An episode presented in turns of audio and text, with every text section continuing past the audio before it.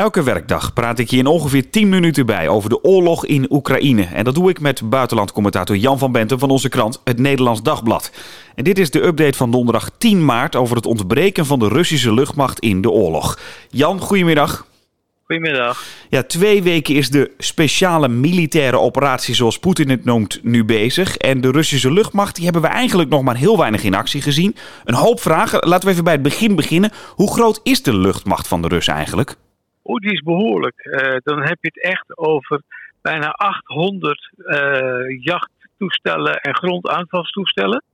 Uh, dan heb je het nog eens over 400 aanvalshelikopters. En dan heb je het nog eens over 230 echt wat een heet jagers. Hè? Dus luchtverdedigingsvliegtuigen. Ja, want ik heb begrepen dat ze ook wel de afgelopen jaren echt bezig zijn geweest met het ja, moderniseren van de vloot. Ja, ze hebben echt een heel groot deel van de luchtmacht of, of, uh, is met nieuwe toestellen uitgerust. Tussen 2009 en uh, 2020 uh, 440 nieuwe vliegtuigen. Nou ja, dat is uh, tien keer de Nederlandse luchtmacht op dit moment, zeg maar. Mm -hmm. is erbij gekomen. Duizenden drones ook. Die, die hebben we nog even net niet in die cijfers gehad.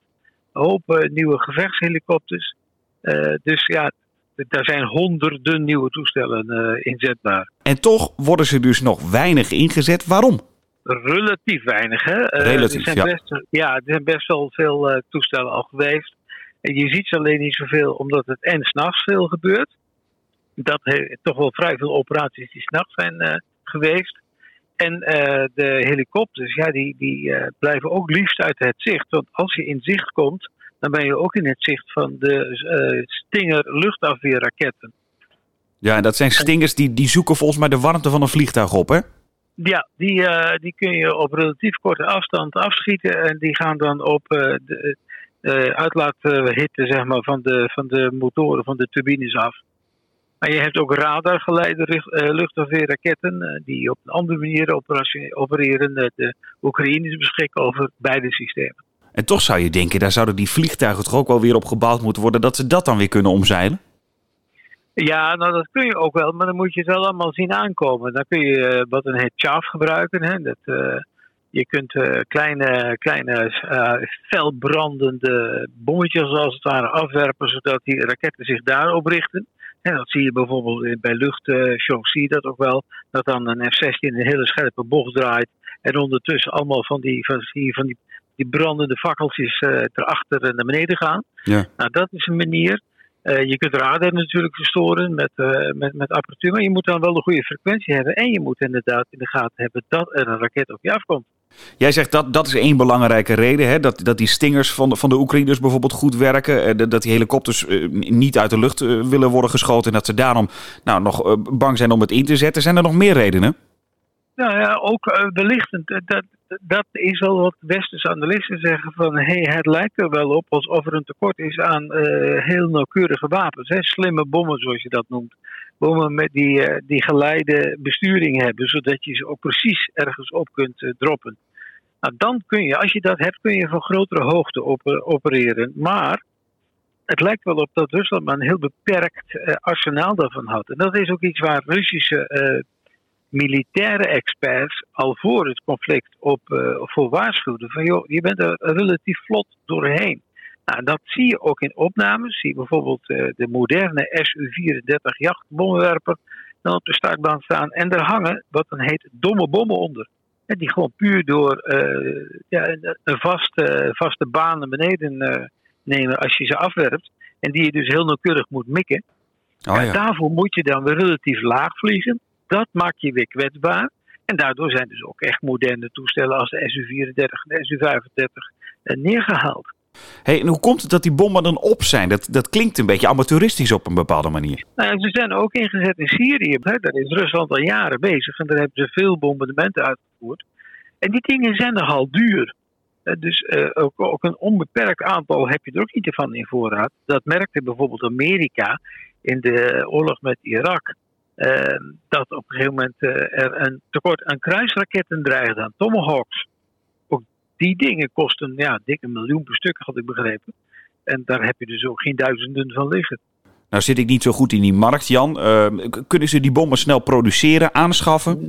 Nee, dat, dat, kost best wel tijd. Je hebt er heel specialistische bedrijven voor nodig. Dus dat gaat niet in een razend tempo. en wat, nou ja, er zijn wel echt al honderden en honderden luchtaanvallen geweest hoor. Vergis je niet. Alleen het is verspreid over zo'n groot gebied. Oekraïne is zo groot qua land. En de grens met Rusland is, en, ook Belarus is ook zo lang. Dat niet, lang niet alle luchtaanvallen in beeld komen. Maar als je de overzichten hebt van bijvoorbeeld het Institute for the Study of War of van het Ukraine Crisis Media Center in, in Kiev of het uh, Oekraïense ministerie van Buitenlandse Zaken, dan heb je echt hele lijsten van aanvallen die elke dag worden uitgevoerd. Uh, lang niet alles veroorzaakt een ramp zoals dat in uh, Mariupol bij dat kinderziekenhuis. En komt dus niet echt in het nieuws. Dus het vertekent misschien ook een beetje, omdat, het, omdat er op zoveel verschillende plekken gevochten wordt. Ja, ik, uh, ik heb cijfers gelezen van 460 luchtaanvallen. Dan heb je nog niet eens gevechtshelikopters meegeteld, hun operaties. Uh, hele lijsten aan neergeschoten toestellen. Uh, dus ja, daar, daar, gebeurt wel het een en het ander. En Rusland wil natuurlijk niet zijn relatief moderne luchtvaartafdeling of luchtmacht verspelen daar. Denk je dat ze in een later stadium nog meer van die luchtmacht in gaan zetten? Ja, dat denk ik wel. Of, daar, daar, zijn ook heel veel experts bang voor. Dat zijn bijvoorbeeld ook wel hè, die directeurs van de CIA, William Burns, zei dat dinsdag. Van verwacht een aantal akelige, gruwelijke weken in Oekraïne. Smerig noemde hij dat, ugly.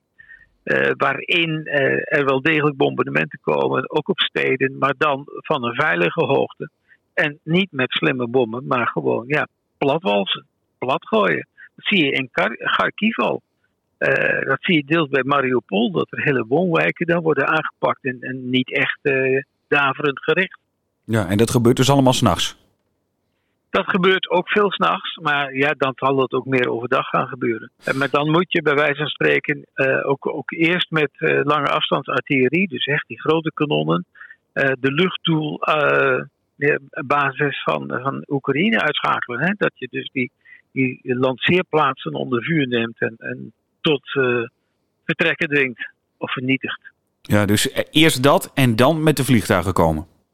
Ja, nou tegelijk. Uh, dat je, kijk, zodra die, uh, die luchtdoelartillerie of die luchtafweerraketten worden geactiveerd, kun je ook hun signalen oppikken. Die kun je dan ook beschieten als je in de buurt bent. En als je bijvoorbeeld naar Kiev kijkt op de kaart, waar de Russen nu zijn, ja, dan heb je het over eh, toch enkele tientallen kilometers. Op sommige plekken maar 15 kilometer meer. Dat kan het lange afstandsgeschut wel overbruggen. We gaan zien of de luchtmacht de komende tijd meer ingezet gaat worden door de Russen. Jan, dankjewel voor vandaag. Oké, graag gedaan. Heb je een vraag voor hem of wil je reageren? Dat kan via oekraïne.nd.nl. Een nieuwe update staat morgen om 4 uur weer voor je klaar.